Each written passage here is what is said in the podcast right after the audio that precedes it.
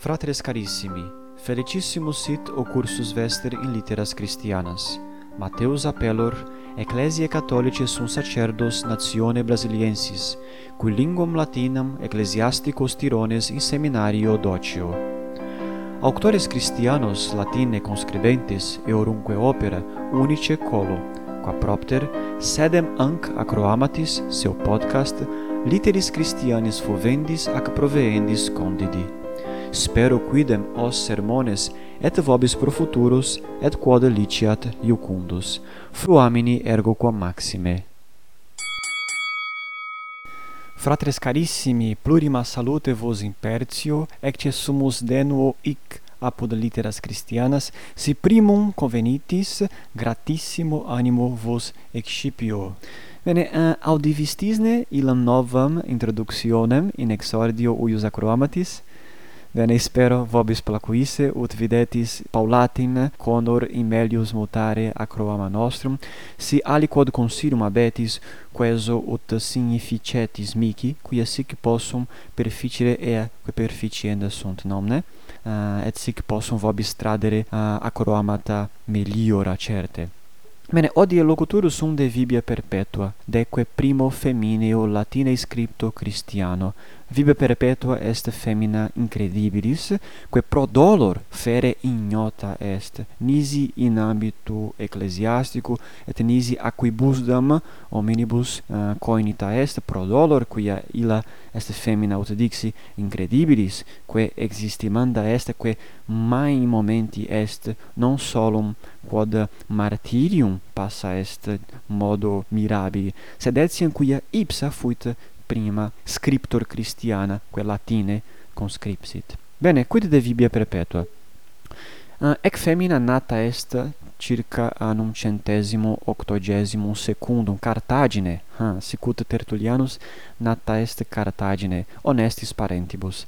Et liberaliter fuit instituta, et polebat magna eruditione, quae percipi potest ex suo diario, de quo a plura locutorus sum matrimonio erat cum quodam viro coniuncta ex quo infantem unum ad ubera abebat. non multa scimus de eius marito pro dolor sed scimus eam abuisse maritum et unum infantem ad ubera Septimio Severo imperante comesset matrona viginti duo anorum pro sua fide Christiana persecutionem passa est erat eo tempore vibia perpetua catecumena, id est illo tirocinio Christiano preparabatur ut linfa baptismatis intingeretur. Et quia noluit a fide sua dimoveri, in carcerem detrusa est, et elic in carcere sciricet suum diarium scripsit. Et quid est diarium? Diarium est libellus quidam in quo continentur acta rerum quotidianarum, omnes scribimus id quod experimur quotidie in nostra vita quotidiana, habemus diarium. Et vibia perpetua quid quid passa est, quid quid ei evenit eo tempore quo in carcere mansit, uh, eh, in litteris uh, eh, consignavit nomne, sic composuit primum scriptum Christianum femineum. Uh, et hoc eius scriptum et scriptum alius martyris nomine satiri in litteras quidam collector congessit et publici iuris fecit sub nomine passio perpetue et felicitatis. Ergo sequeritis diarium perpetue non invenietis quia ic titulus non extat. Extat tamen passio perpetue et felicitatis quod est opus quod congerit et diarium perpetue et scripta cuius de martiris nomine eh, satiri et alia verba collectoris qui hoc opus fecit et composuit. Ergo cum loquimur de passione perpetue et felicitatis loquimur de opere uh, quod constat ex diario perpetue ex eh, uh, quibus dam visionibus satiri et etiam ex verbis collectoris qui in unum uh, ec duo opera uh, iunxit. Bene, etque fuit felicitas, cuius nomen cum perpetua in opere copulatur. Felicitas fuit femina Christiana, quae cum perpetua in amphitheatro, una consociis earum ad bestias profide Christiana dannata est, etaque non solum colimus perpetuam, sed colimus et perpetuam et felicitatem sub unico titulo, et sic traditum est nobis per saecula. Nunc dicendunt de stilo operis, diarium sancte perpetue, sic ut iam dixi est primus libellus, Christianus a affem femina latine conscriptus, qui ad nos pervenit, qui non interit iniuria temporum, nescimus utrum fuerit uh, aliud scriptum ante perpetuam vel post perpetuam qui propter temporum vicissitudine sperit stilus uius diari est stilus simplex non est pomposus sed simplicitas ec est illa simplicitas quae et visu pulcra et lectu est iucunda. Semper eh, indelicis abio legere scriptum uh, tali simplicitate quia verba mi videntur profluere uh, sine difficultate et perpetua quoque scripsit emendate, certe no emendatissime, quia erat in carcere, ergo non nabebat illas optimas conditiones ad bene scribendum. ita quis spectamus adiuncta rerum dest ubi esset, et quibus condition, conditionibus gauderet, certe debemus eam laudare. Uh, et vos potestis brevi uh, librare, per vos metipsus quia non nullos locos legam ex suo opere. Nunc verba facienda sunt de divisione uius operis. Si manu nostra tenemus passionem sanctarum perpetu et felicitatis, et potestis invenire uh, apud eh, uh, ilam sedem retialem quae Anglice appellatur latinlibrary.com, eh, querite illic scribite passio perpetue et felicitatis apud Christianos auctores et certe invenietis textum uh, si sumimus ergo uh, anc passionem sanctarum perpetue et felicitatis primo loco uh, prima paragrafo habemus verba narratoris. Narrator commendat opus loquitur de momento uius passionis perpetue et felicitatis. Et uh, in secundo Uh, in secundo loco, secunda paragrafo, uh, paucis verbis originem et indolem uius femine presentat. Deinde, infine, paragrafi annunciat se exinde subiunxisse narrationem perpetue mano ipsius femine conscriptam. Uh, ah, ecce verba collectoris, uh, id dicit ile vir, vel illa femina nescio. Ec, perpetua sciricet, ordinem totum martirii sui, iam inc ipsa narravit, sicut conscriptum manus sua et suo sensu reliquit. Ergo dubium non est quin hoc diarium scriptum sit a perpetua, sicut narrator nobis tradit nomne, ipsa perpetua ordinem totum martirii sui eh, uh, manus sua conscriptum narravit nomne et suo sensu reliquit. Ergo ex tertio loco Eh, incipit diarium sancte perpetue, et constat tribus paginis computatoriis, eh, non est eh, textus longus, sed est textus qui dicamus paucis verbis multa loquitur et qui animum nostrum certe movet. Nunc eamus ad locos ipsos uius diari et ad ordinem actorum nomne Femina nostra incipit dicense esse apprehensam et militibus custoditam et cum esse et tali conditione pater ad eam venit ut eam a confessione Christiana dimoveret, quia vibia perpetua apprehensa est propter suam confessionem propter uh, propteria quod erat Christiana nomne, et quid fecit? Obiecit suam conscientiam, dicens patris suo se non posse hoc inficiari. Audiamus ipsa eius verba, quae sunt mira cum aduc cum persecutoribus essemus et me pater verbis evertere cupiret et deicere pro sua affectione perseveraret. Pater inquam vides verbi gratia vas hoc iacens urceolum sive aliud? Et dixit video. Et ego dixi ei non quid alio nomine vocari potest quam quod est et ait non sic et ego aliud medicire non possum nisi quod sum Christiana. Bene, ecce verba perpetuo. Ergo, sicut non possumus nominare aliquid nomine quod uh, non representat id quod est, sic et perpetuo non potuit negare se esse Christianam. Itaque obiecit sua conscientiam aliquot dies post baptizata est, sicut dixi vobis perpetua erat catecumena, id est se parabat ad baptismum, et post paucos dies baptizata est, et divino afflante spiritu intellexit se ad martirium destinatam esse, ecce verba ipsius perpetue. In ipso spatio paucorum dierum baptizati sumus, et mic spiritus dictavit non, al, non aliud petendum ab aqua nisi sufferentiam carnis. Ergo exivit ex baptismatis aqua sciens se ad sufferentiam carnis destinatam esse. Bene id quod dicit nostra perpetua. Et tunc persecutio crudescere cepit quia perpetua coniecta est in carcerem tenebricosum tenebrosum, ubi non solum tenebris, sed etiam estu, militum tortoribus et solicitudine infantis afficiebator.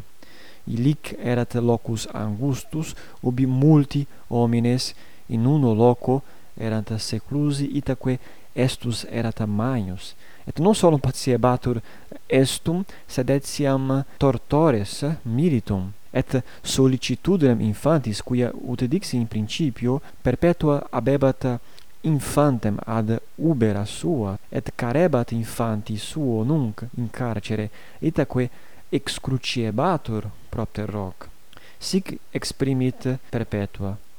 O diem asperum estus validus turbarum beneficio, concussure meritum novissime macerabar sollicitudine infantis ibi.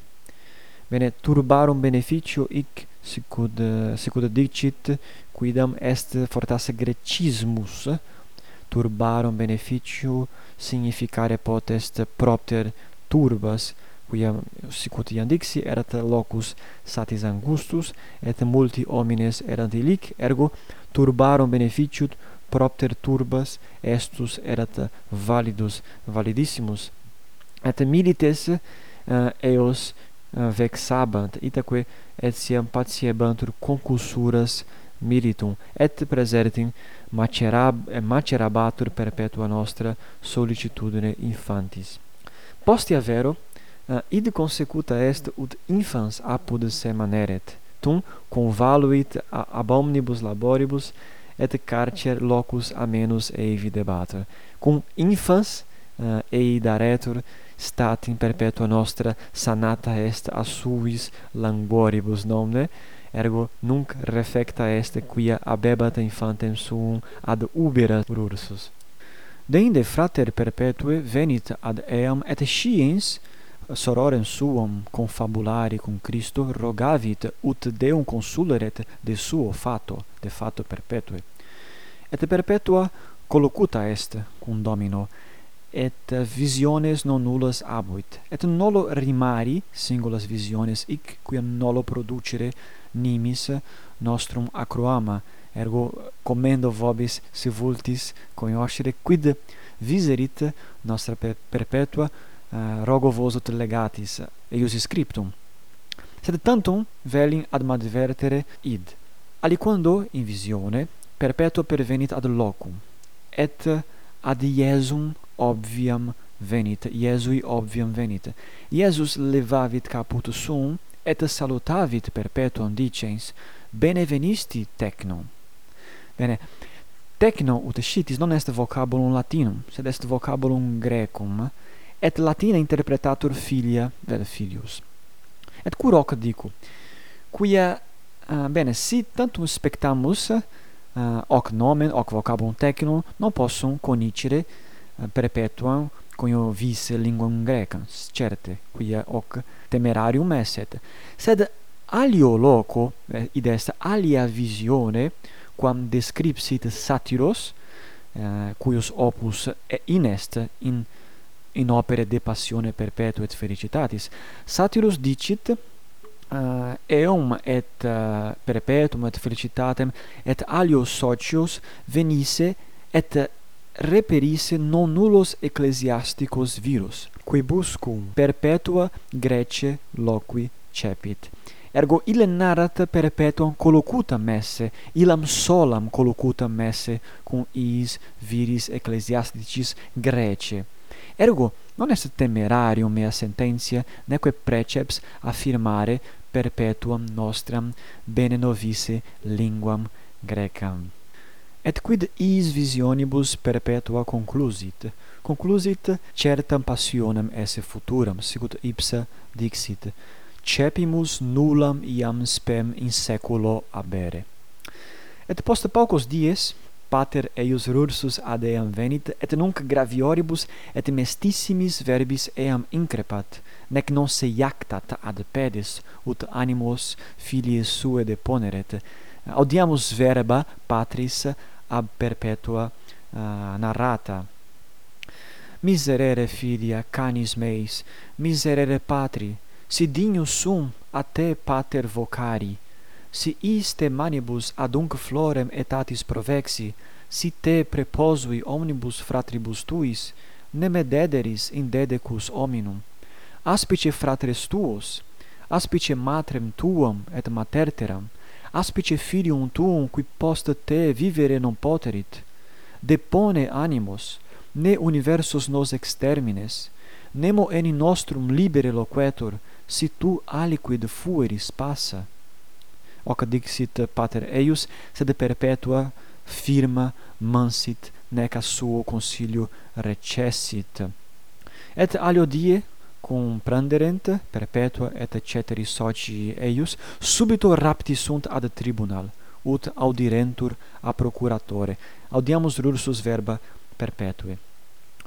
Alio die compranderemus subito rapti sumus ut audiremur et pervenimus ad forum rumor statim per vicinas fori partes cucurrit, et factus est populus immensus. Ascendimus in catastam, interrogati ceteri confessi sunt, ventum est et ad me, et apparuit pater illico cum filio meo, et extraxit me de grado dicens, supplica miserere infanti. Et, hilari, et hilarianus procurator, qui tunc loco pro consulis minuti timiniani defuncti ius gladii acceperat, parce inquit canis patris tui, parce infantiae pueri, fac sacrum pro saluta imperatorum? Et ego respondi, non facio. Hilarianus, Christiana es? Inquit. Et ego respondi, Christiana sum. Tunc nos universus pronunciat, et damnat ad bestias, et illares descendimus ad carcere ergo eh, perpetua et ceteri ad tribunal ducti sunt et confessi sunt uh, se esse Christianos et sic damnati sunt ad bestias.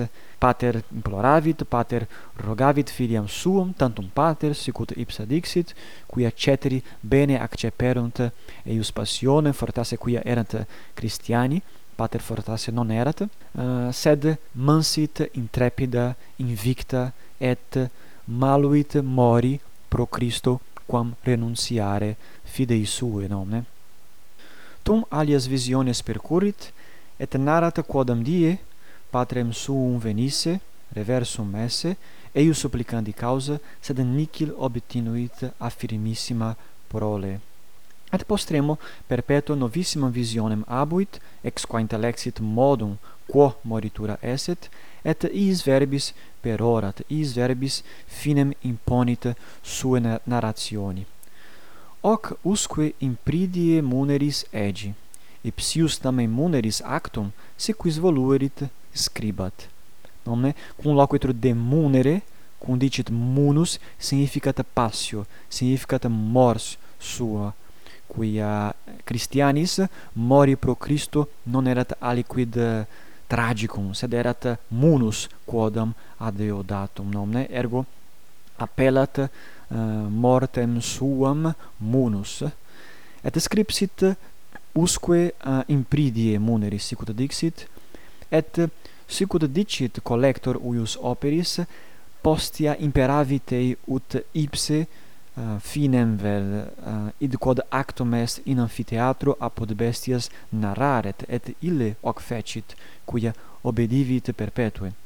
Sed antequam narraret de Christianis ad bestias eh, uh, damnatis in amphitheatro subiungit uh, narrationem satiri nomne quia satiros non nullos visiones abuit et uh, noster collector subiungit iungit as narrationes et sic unum opus construit ex duobus scriptis. Sed relictis visionibus satiri eamus ad passionem, ad mortem, ad damnationem perpetue et felicitatis in amphitheatro commodo passe sint illic in illa arena terribili nomne, Incipiamus a felicitate quia de ea nondo multa locutissumus. Felicitas erat ancilla, et octo mensium ventrem abebat, et contristabatur, quia propter ventrem non poterit, non poterat palma martiri una conceteris ad pisci, quia non licebat pregnantibus luere penam, debebat primum parere filium de inde eh, ad mortem ire. Sed dum oraret, oravit, et dum oraret, felicitas dolores invaserunt, et quidam ex ministris eh, audiens dolores et uh, illas exclamationes pregnantis dixit ei, quae sic modo doles, quid facies objecta bestiis, quas contempsisti cum sacrificare noluisti? Nomne minister dicit bene tu nunc multos dolores uh, pateris, et commodo poteris pati dolores bestiarum. Sed felicitas optime ei respondit, audiemus verba eius. Modo ego patior, quod patior, illic autem alius erit in me, qui patietur pro me, quia et ego pro illo passura sum. Sic uh, respondit felicitas, et enixa est puellam et dedit infantem sororis suae educandam. Et commodo ad martyrium processerunt animo de misso tristes contristate mestissime imo vero audiamus id quod dixit collector noster. Illuxit dies victoriae illorum et processerunt de carcere in amphitheatrum quasi in celum hilares vultu decori si forte gaudio paventes non timore. Sequebatur perpetua lucido vultu et placido incesso ut matrona Christi ut Dei delicata vigore oculorum deiciens omnium conspectum. Bene uh, videtis quali animo uh, processerint femine nostre. Postremo in amphitheatrum pervenerunt toto spectante populo, et aligaverunt eas ad vacam ferocissimam, quae aliquandio iactavit eas, et cum essent in terra, eh, plagis contuse surexerunt, et quia vaca non potuit eas occidere, eh, gladiat gladiatores venerunt, et ictibus gladiorum nostre femine conficiuntur una cum ceteris ceteris socis qui abalis bestis antea erant vexati. Et sic uh, palmam martyri uh, adepti sunt perpetua felicitas et ceteri socii post earum mortem cultus feminarum totam ecclesiam peragravit, et si sequimur testimonium sancti augustini iam eo tempore quo Sanctus Augustinus scripsit, saeculo sciricet quarto et quinto, iam extabat basilica, quae vocabatur basilica maiorum, quae extructa est super feminarum sepulcra. Sed pro dolor illa basilica destructa est et odie non nisi ruine videntur. Sed Rome a primis saeculis earum memoria colitur, quia nomina perpetue et felicitatis apparent in canone Romano, quod est oratio illa maxima in culto catholico quae missa vulgo vocatur nomne habemus missa uh, qui est cultus maximus Christianus cultus principus et in missa uh, ad est oratio quae primum locum obtinet quae vocatur canon Romanum est oratio eucharistica illa, et in canone Romano in oratione eucharistica nomina perpetue et felicitatis apparet inter eos, qui palmam martiri obtinuerunt. Ergo, cum ec oratio sit antiquissima, ergo certe cultus uh, earum feminarum uh, ad est in ecclesia romana, ad est in occidenti uh, a primis seculis. Ecce bine femine nostre sancta perpetua et felicitas, gratias vobis ago auditoribus qui aduc patienter et benigne me auditis, excusato mea beatis propter menda mea. Uh, gratulor ei qui recte respondisti apud pipiatorium interrogavi in pipiatorio quae esset femina lequa odie loquor id est femina quae primum eh, uh, latine scripsit uh, apud Christianos et non nulli conati sunt respondere, sed una tantum persona recte respondit, fuit Iocania. Gratulor tibi, propter tuam responsionem, uh, et spero brevi rursus vobis convenire et uh, alia de literis Christianis vobis tradere. Gratias vobis ago in proximum.